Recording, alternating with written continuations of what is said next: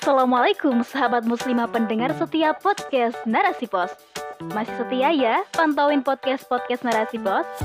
Baiklah, saya Devi Fitriana di episode kali ini akan membawakan rubrik motivasi.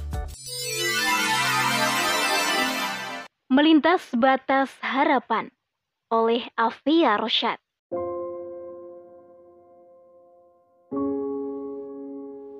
Sahabat muslimah podcast narasi pos, tak ada yang abadi di dunia ini.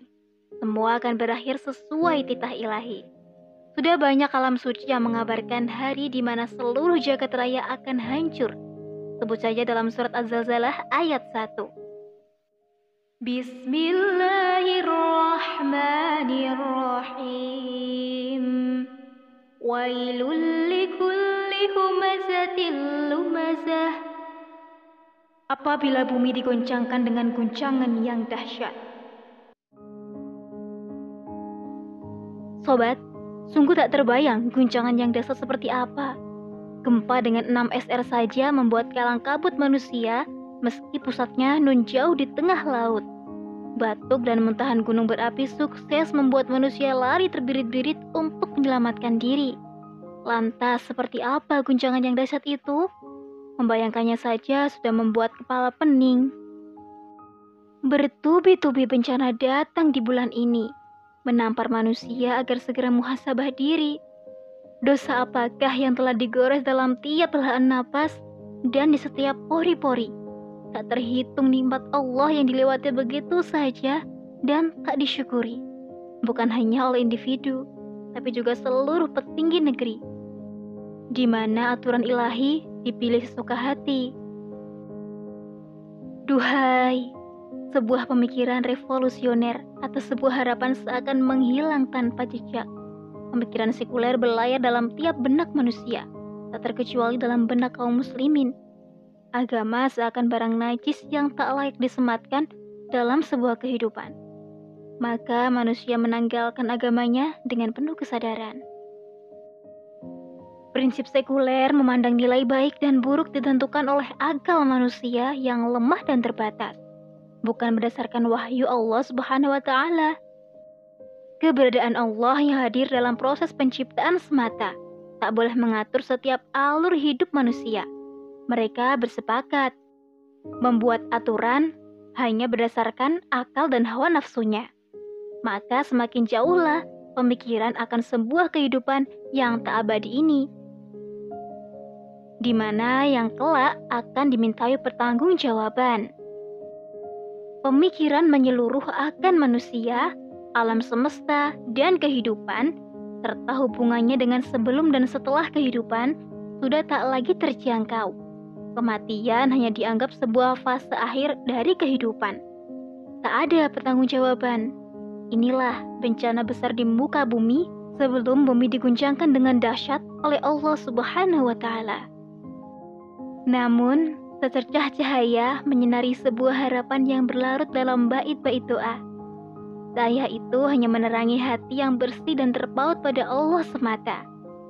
Walau dosa-dosa membumbung tinggi ke angkasa, namun rahmat Allah sangatlah luas, tak dapat dijangkau. Gempa, banjir, letusan gunung, atau bencana lainnya hanyalah seperti peringatan pada manusia Meski begitu, nikmat Allah masih jauh lebih besar, terutama bagi mereka yang berhasil bersimpuh untuk merengkuh hidayahnya. Sobat, jalan terjal dan berduri akan tetap dilewati oleh jiwa-jiwa yang telah melintas batas harapan, di mana lorong harapan itu tiada ujungnya. Namun mereka bersabar menapaki meski penuh tekanan dengan landasan akidah yang kukuh. Dorongan keimanan akan menjadikan perjalanan melintas batas harapan memiliki ruh, kesadaran bahwa segala sesuatu tak abadi, termasuk dirinya akan semakin membuat hati tunduk pada ilahi. Saat memilih melintas batas harapan, mereka tak pernah akan berdiam diri dalam kesendirian.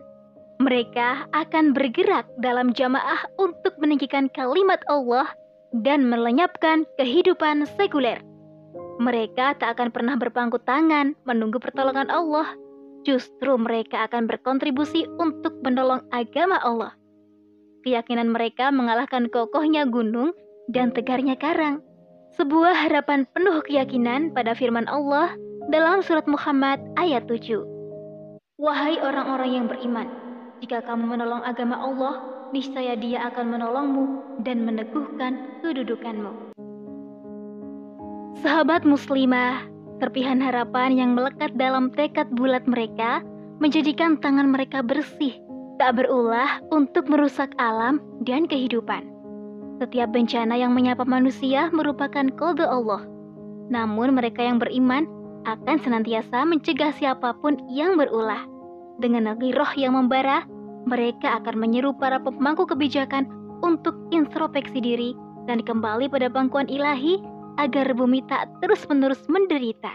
Seruan menuju jalan takwa tak akan pernah berhenti seiring jiwa yang terus melintas batas harapan, di mana mereka mempersiapkan bekal di kampung akhirat, di kehidupan abadi kelak.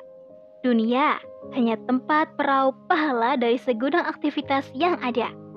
Kesadaran akan bencana yang melanda merupakan alarm untuk meningkatkan ketakwaan diri, masyarakat luas, juga negara sehingga bekal yang diharapkan akan bisa diraih dengan mudah dalam suasana keimanan yang senantiasa terjaga.